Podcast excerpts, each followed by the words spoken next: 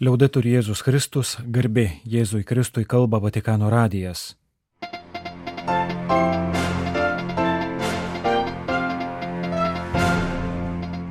Malonus klausytojai šioje programoje.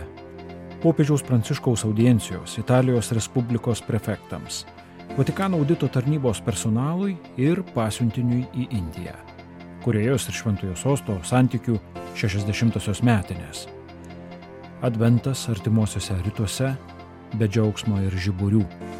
Ukrainietis Olegas, kunigas ir psichologas.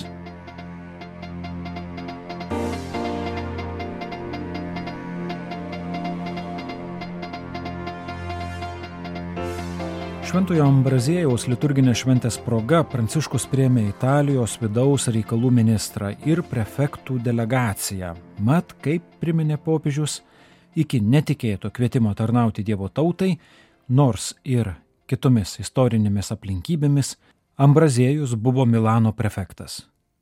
Popiežius taip pat pacitavo vieną Ambrazėjaus frazę. Voi pensate, i tempi sono cattivi, i tempi sono pesanti, i tempi sono difficili, vivete bene e muterete i tempi. Jūs galvojate, kad laikai blogi, metas varginantis ir sunkus bet gerai gyvenkite ir pakeisite šiuos laikus. Ši graži frazė pažymėjo šventasis tėvas prefektams gerai nusako ir jų tarnybą - užtikrinti, kad jų administruojamose teritorijose žmonės gerai gyventų. Tai jie daro tarpininkaudami tarp valstybės ir teritorijų, tarp centro ir dalių, rūpindamiesi bendruoju gėriu ir pavienių žmonių poreikiais. Prefektūros funkcijos leidžia žmonėms pajusti valstybės dėmesį, įskaitant viešos tvarkos užtikrinimą, įvairias paslaugas asmenims ir bendruomenėms. Popiežius išsameu paminėjo tris dalykus - viešąją tvarką, rūpinimąsi aplinka ir migrantų srauto tvarkymą. Viešos tvarkos užtikrinimas yra prioritetinis ir labai delikatus prefektų uždavinys mat tenka reaguoti ir spręsti nenuspėjamas krizes, derinti pagarbą įstatymui ir žmogiškumą. Teisėtumas ir žmogiškumas turi žengti kartu, kad potvarkiai būtų tinkamai įgyvendinti ir kartu būtų deramai gerbiami suklydę asmenys, kad aukų apsauga būtų suderinta su teisingu elgesiu su nusikaltusiaisiais.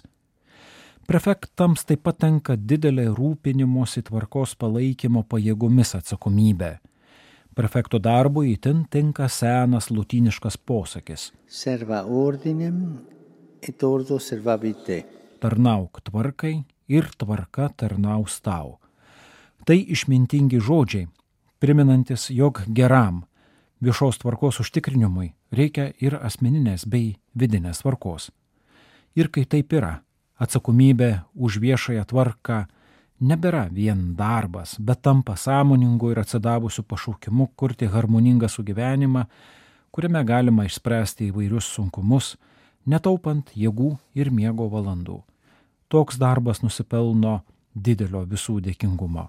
Kita svarbi prefektų užduotis yra reaguoti į aplinkos problemas, kaip pavyzdžiui išsilieja upės, kyla potviniai, kai vieną ar kitą Italijos dalį sukrečia žemės drebėjimai. Jums tenka uždavinys geriausių būdų tvarkyti turimus išteklius ir užtikrinti viešojo bei privataus sektoriaus sinergiją. Svarbu ir netidėliotina tiek šiuo metu, tiek ateityje vienyti pastangas, kad laiku ir toleregiškai apsaugotume mūsų bendrus namus, kalbėjo popiežius. Infine. Trečiasis jo paminėtas aspektas buvo migracijos rauto tvarkymas lokaliu prefektūrų lygiu. Tai nėra lengvas uždavinys, mat dažnai susidurėma su traumuotais ir pasimetusiais žmonėmis. Tai veidai, o ne skaičiai, pakartojo popiežius. Pasak jo, žinoma, jog ne vienas pabuvojo migrantų lageriuose Šiaurės Afrikoje, kuriuose kankinama, pavergiama, žudoma. Migrantai negali būti palikti patys savo, jie turi būti integruojami ir remiami. Tai taip pat patenka į prefektų darbo sritį kaip ir įsiklausimas į vietos gyventojus bei viešos tvarkos sugražinimas kilus įtampoms. Be gero migrantų palidėjimo ir integracijos kyla pavojų. Ir priešingai, kai gerai integruojama, migrantai padeda kraštui. Italijos kontekste tai primena kitą problemą vaikų stygių, žemą gimstamumo lygį. Italijai reikia vaikų ir taip pat migrantų prieimimo kaip savo vaikų. Norėčiau palinkėti jums viso ko geriausio artėjančių kalėdų proga. Tegul Dievas, kuris įsikūnėjęs, apsigyveno ten, kur ir mes laimina jūs, laimina jūsų žmonės ir teritorijas, kurioms tarnaujate. Ir nepamirškite melstis už mane. Ačiū. Atsisveikino popiežius Pranciškus su Italijos prefektais. Pirmadienio gruodžio 11 rytą įvyko popiežiaus Pranciškaus susitikimas su Vatikano miesto valstybės generalinio auditoriaus tarnybos darbuotojais. Su jais Pranciškus valandėlę asmeniškai pasikalbėjo, o šiai progai iš anksto parengta kalba buvo įteikta. Vatikano valstybės kontrolės darbuotojams įteiktame popiežiaus kalbos tekste visų pirma paminėta, kad ši tarnyba buvo įkurta prieš devynerius metus, kaip dar anksčiau jau Benedikto XVI pontifikato metais pradėtų ekonominių ir juridinių reformų rezultatas. Popiežius savo kalboje aptarė tris svarbiausius šią tarnybą apibūdinančius aspektus - nepriklausomybę, dėmesį tarptautiniai praktikai ir profesionalumą. Pirmasis - nepriklausomybė generalinio auditoriaus tarnyba nėra hierarchiškai priklausoma nuo kitų institucijų, tačiau tai anaip tol nereiškia savivalės, bet reiškia atsakomybę už veiksmus, kurie visada turi būti gerai apgalvoti ir įkvėpti geranoriškumo. Popiežius pažymėjo, kad šioje srityje reikia vadovautis evangelinę broliško pataisymo taisyklę. Jos reikia ir tokioje specifinėje sferoje kaip finansinė apskaita ir administravimas. Reikalingas ir sinodinė dvasia besivadovaujantis bendradarbiavimas su kitomis Romos kurijos dikasterijomis, ypač ekonominius reikalus tvarkančiomis institucijomis. Antrasis aspektas - dėmesys tarptautiniai praktikai. Svarbu sekti geriausią kitose šalyse įgytą patirtimi, puoselėti teisingumą ir derintis prie tarptautinės bendruomenės, žinoma su sąlyga, kad normos būtų visada suderinamos su bažnyčios mokymu. Trečiasis popiežiaus kalboje Vatikano audito tarnybos darbuotojams paminėtas aspektas - profesionalumas. Šioje tarnyboje dirbantys asmenys turi didelę profesinę patirtį įgytą prieš tai dirbant svarbiose kitų šalių organizacijose. Kai kuriais atvejais tai dešimtmečių darbo patirtis. Dėkoju, rašoma popiežiaus kalboje, kad nusprendėte visą tai panaudoti šventojo sosto labui. Popiežius taip pat pasidžiaugė, kad siekiant išlaikyti aukštus profesinius standartus daug dėmesio skiriama mokymams, stengiamasi nuolat atidžiai sekti sudėtingų auditą reglamentuojančių taisyklių raidą. Dėkoju Jums už Jūsų darbą ir linkiu Jums bei Jūsų šeimoms džiugiai švesti Kalėdas Vatikano valstybės kontrolės tarnybos darbuotojams įteiktą savo kalbą baigė popiežius. Popiežius Pranciškus pirmadienio rytą priėmė arkivyskupą Sirilį Vasilį, kuris, kaip ypatingasis popiežiaus pasiuntinys, šią vasarą buvo nuvykęs į Indiją, kad padėtų Sirų Malabarų bažnyčiai įspręsti ginčą dėl liturgijos, sukėlusį nesantaiką ir bendruomenės susiskaldimą. Jėzuitas Cirilis Vasilis Slovakijos Košicės graikų apieigų katalikų arkivyskupas, 2009-2020 metais buvo Šventojo sosto rytų bažnyčių kongregacijos sekretorius. Popiežiaus pasiūstas į Indiją, jis dėja nesugebėjo įtikinti susivaidijusių vietos tikinčiųjų užbaigti nesutarimus. Prireikė labai griežto paties popiežiaus kreipimosi. Gruodžio 7 dieną paskelbtoje vaizdo žinioje popiežius pasakė, kad tai, kas dedasi, Indijos sirų malabarų bendruomenėje kelia grėsmę bažnyčios vienybei. Jei nebus atkurta santaika, popiežius bus priverstas imtis juridinių sankcijų. Viešpaties vardu, dėl jūsų bažnyčios, dėl visos mūsų bažnyčios dvasinės gerovės, prašau panaikinti skilimą, sakė Pranciškus, atkurkite bendrystę, pasilikite katalikų bažnyčioje. Pietų Korejos bažnyčios ir valstybės atstovai atvyko į Romą Šiais metais sukankančių Šventojo Sosto ir Korejos Respublikos diplomatinių santykių užmesgymo 60-ųjų metinių proga. Pirmadienio rytą jie dalyvavo mišiuose Romos Laterano Šventojo Jono bazilikoje, kurioms vadovavo kardinolas Pietro Parolinas. Popiežius Pranciškus šią progą pasiuntė telegramą Korejos vyskupų konferencijos pirmininkui, vyskupui Matiesui Ri Jong Honui. Siunčiu nuoširdžius linkėjimus ir patikinimą, jog dvasia esu artimas broliams, vyskupams ir visiems žmonėms susirinkusiems į mišes skirtas Korejos Respublikos ir Šventojo Sosto diplomatinių santykių 60-mečiui paminėti, rašo Pranciškus.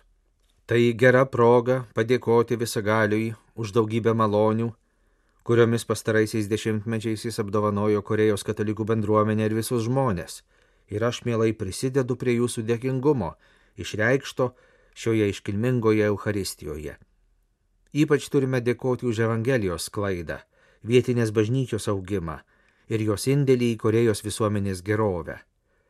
Tikiu, kad šis indėlis ir toliau duos daug vaisių, ypač tarnaus atstumtiesiems ir vargstantiesiems. Popiežius sveikinimo žinioje mini savo vizitą 2014 metais ir Korejos kankinių beatifikaciją. Jie iš meilės Jėzui ir troškimo skleisti Dievo karalystę atidavė savo gyvybės ir pasėjo sėklas, iš kurių išaugo klestinti ir gyvybinga bažnyčia. Kankinių liudėjimo paveldėtojai yra dabartiniai Korejos katalikai, ypač jaunimas, todėl popiežius linki gerai pasirenkti 2027 metais Korejoje vyksiančioms pasaulio jaunimo dienoms. Pranciškus taip pat reiškia viltį, kad geri Korejos Respublikos ir Šventojo Sosto santykiai ir toliau klėstės, kad bus kartu dirbama sprendžiant įvairius dvišalių santykių klausimus, o ypač siekiant taikos ir susitaikinimo Korejos pusėsalyje. Dėl šventojoje žemėje išsiveržusio smurto daugeliui krikščionių bendruomenių artimųjų rytų šalyse artėjančios kalėdos nebus tokios džiugios kaip kitais metais. Taip pat ir išoriniais ženklais siekiama išreikšti liūdėsi ir skausmą, su kuriais šiemet daug pakrikštytųjų laukia Jėzaus gimimo. Jau lapkričio mėnesį Palestinos savivaldos teritorijoje esančio Betlėjaus savivaldybė paskelbė atšaukianti visus tradicinius renginius, kurie paprastai lydi per Advento ir Kalėdų liturginį metą.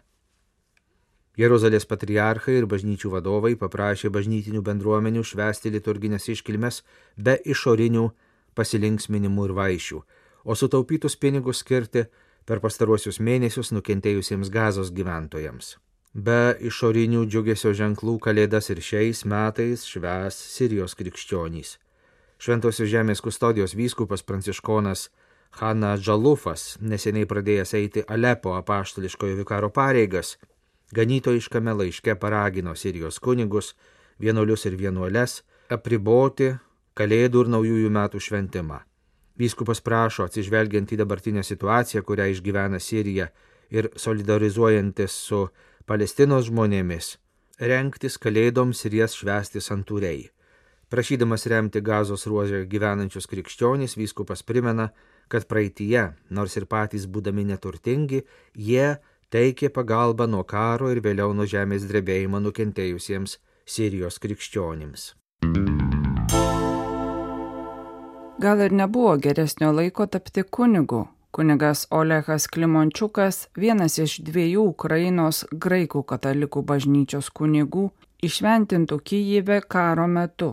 30-metis kunigas taip pat yra psichologas, karo traumas patyrusių vaikų psichologas. Jis juos sutiko keliaujančioje vasaros stovykloje, kurią organizavo salezietis Maksimas Rebucha kas kart nukeliauti šimtai kilometrų, kad susitiktų su pirmaisiais karo mėnesiais užimtų kaimų vaikais. Dabar Olehas tapo Makarevo bendruomenės, kuri vis dar nešioja Rusijos žiaurumo ženklus parapijos kunigu. Miestas už 50 km nuo Kyjivo, kuris pirmąjį invazijos mėnesį atsidūrė rusų rankose, o vėliau virto mūšio lauku, kai Maskvos armija vis dar veržėsi apgulti sostinę. Jis buvo smarkiai subombarduotas, žuvusių jau buvo daugiau nei šimtas, dalis žmonių šiandien gyvena surenkamuose pastatuose, pasakojo kunigas Olehas. Karo metu, o ypač tokiomis sudėtingomis aplinkybėmis, žmonėms reikia ne tik dvasinės, bet ir psichologinės paramos. Kunigas jau aplankė mieste pasilikusias šeimas ir senolius. Žmonės neteko namų ir darbo, gedulas yra tikėjimo išbandymas. Yra tokių, kurie jį vėl atrado, kiti nutolo. Kodėl Dievas visą tai leidžia? Kelis kartus girdėjau sakant, arba aš negaliu atleisti. Kaip kunigas ir kaip psichologas galiu tik išklausyti, išklausyti skausmą. Ir kiekvieną kartą manau, kad prireiks daugybės metų, kol galėsime kalbėti apie susitaikymą. Karas pakeitė ir kunigo Oleho gyvenimą. Po trejų metų studijų popiežiškajame Suleziečių universitete Romoje jis baigė savo akademinę formaciją Lvive. Man trūko tik kelių mėnesių, Tačiau prasidėjo Rusijos invazija ir man netrodė teisinga likti sudėjus rankas. Jis persikėlė į sostinę ir pradėjo rūpintis trapiausiais vaikais ir jų šeimomis, sekdamas Šventojo Jono Bosko pėdomis. Kunigas pasakoja, kad padaugėjo nerimo sukeltų sutrikimų, panikos priepolių. Nuolatiniai pavojaus signalai skatina nesaugumo jausmą. Žinojimas, kad fronte yra giminaičių, tampa streso šaltiniu. Yra ir sudėtingesnių atvejų. Tie, kurie prarado artimuosius, patyrė nuolatinį fizinį smurtą arba kurių šeimos narys buvo paimtas į nelaisvę Rusijoje. Negalėjimas dalyvauti pamokose gyvai taip pat neįgiamai veikia vaikų vystimasi. Tėvai sako, kad jų vaikus dažnai apima pyktis ir liudesys, o paaugliai rodo, kad jau yra pasiruošę kovai. Ta liudyja kariški drabužiai, kuriuos jie dėvi kasdien, pasakoja Olehas. Tada kalba pakrypsta apie kitus dalykus. Jis pasakoja apie vestuves pagal rytų apieigų tradiciją šešių mėnesių dukrą. Karo metu niekada nežinai, ar sulauksi rytojaus. Štai kodėl aš pasirinkau tapti vyru ir tėvu. Ir kunigu seminarija jau baigė, o krentant bomboms kunigas yra vilties balsas, kaip jam sako daugelis. Dabar kunigų labai trūksta, o Lekas buvo išventintas spalio 15 dieną. Kunigas Olehas planuoja sukurti paramos grupės šeimoms, kad žmonės pasidalintų išgyventų sielvartų. Karas žudo psichiką. Kiekvienas psichologas žino, kad dvasinės vertybės yra svarbus resursai. Būti kunigu yra privalumas. Pasitaiko, kad parapijose staiga pritrūksta kunigo, nes jie pašaukti būti karo kapelionais. Tai būdas, kuriuo kunigai reaguoja į valstybės nustatytą privalomą mobilizaciją. Bet mes negalime palikti žmonių be ganytojų, sako Olehas. Išventinimo abrosdėlėje kunigas Olehas įrašė eilutę iš antrojo laiško korintiečiams. Galybė geriausiai pasireiškia silpnume. Esame sukrista tauta, mes kunigai tarnaujame sakramentais, žodžiu, artumu, bet ir paramos skirstimu psichologinę pagalbą. Vis dar ilgo karo akistatoje turime būti pasitikėjimo liudininkais, sako kunigas Olehas.